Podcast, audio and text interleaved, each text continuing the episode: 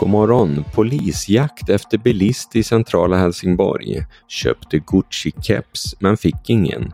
Och bättre kontakter mellan lasarett och vårdcentraler ger färre på akuten. Här är de senaste nyheterna av vädret från Helsingborgs Dagblad. Vid halv tio-tiden igår kväll försökte polisen stoppa och kontrollera en bilist i centrala Helsingborg. Föraren, en man i 18-årsåldern, ville dock inte stanna och försökte istället att köra ifrån polisen.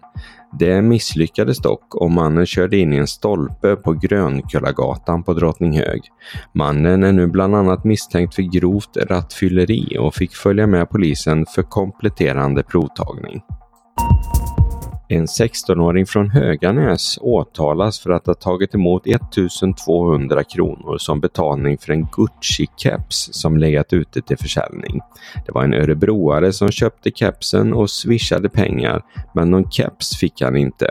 Säljaren, en kompis till 16-åringen, skyllde på dålig postgång och 16-åringen på att han inte fattade varför han fick pengarna på sitt konto. Han fick dock behålla 400 kronor för egen räkning.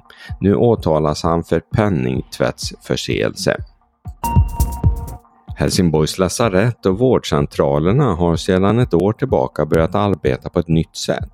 Istället för att skicka alla patienter som behöver mer vård än vårdcentralen kan ge till akuten kan de nu istället skickas direkt till lasarettets specialistläkare. En annan del av samarbetet handlar om att personalen på vårdcentralerna nu enklare kan få råd direkt av läkare. Helt enkelt genom att ringa upp dem. Något som tidigare varit svårt att få till bland annat på grund av tidsbrist och olika arbetssätt. Under helgen stals ett helt släp med alkohol som stod på ett inhägnat område vid Jönköping. Tjuvarna har helt enkelt tagit sig in på området och kopplat släpet på en dragbil och kört söderut. I Vaggeryd parkerade man och tömde släpet på innehåll.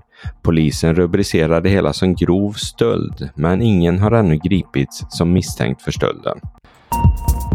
En meny från passagerarfartyget Titanic som sjönk i Atlanten 1912 har sålts på en auktion i England. En kanadensisk amatörsamlare har ägt menyn som antas vara den enda kvarvarande menyn från händelsen i världen. På menyn stod att det kvällen för fartygets förlisning bjöds på bland annat tornedå, lax med hollandaisesås och till efterrätt aprikospaj. Köparen fick betala motsvarande drygt 1,1 miljoner kronor för menyn.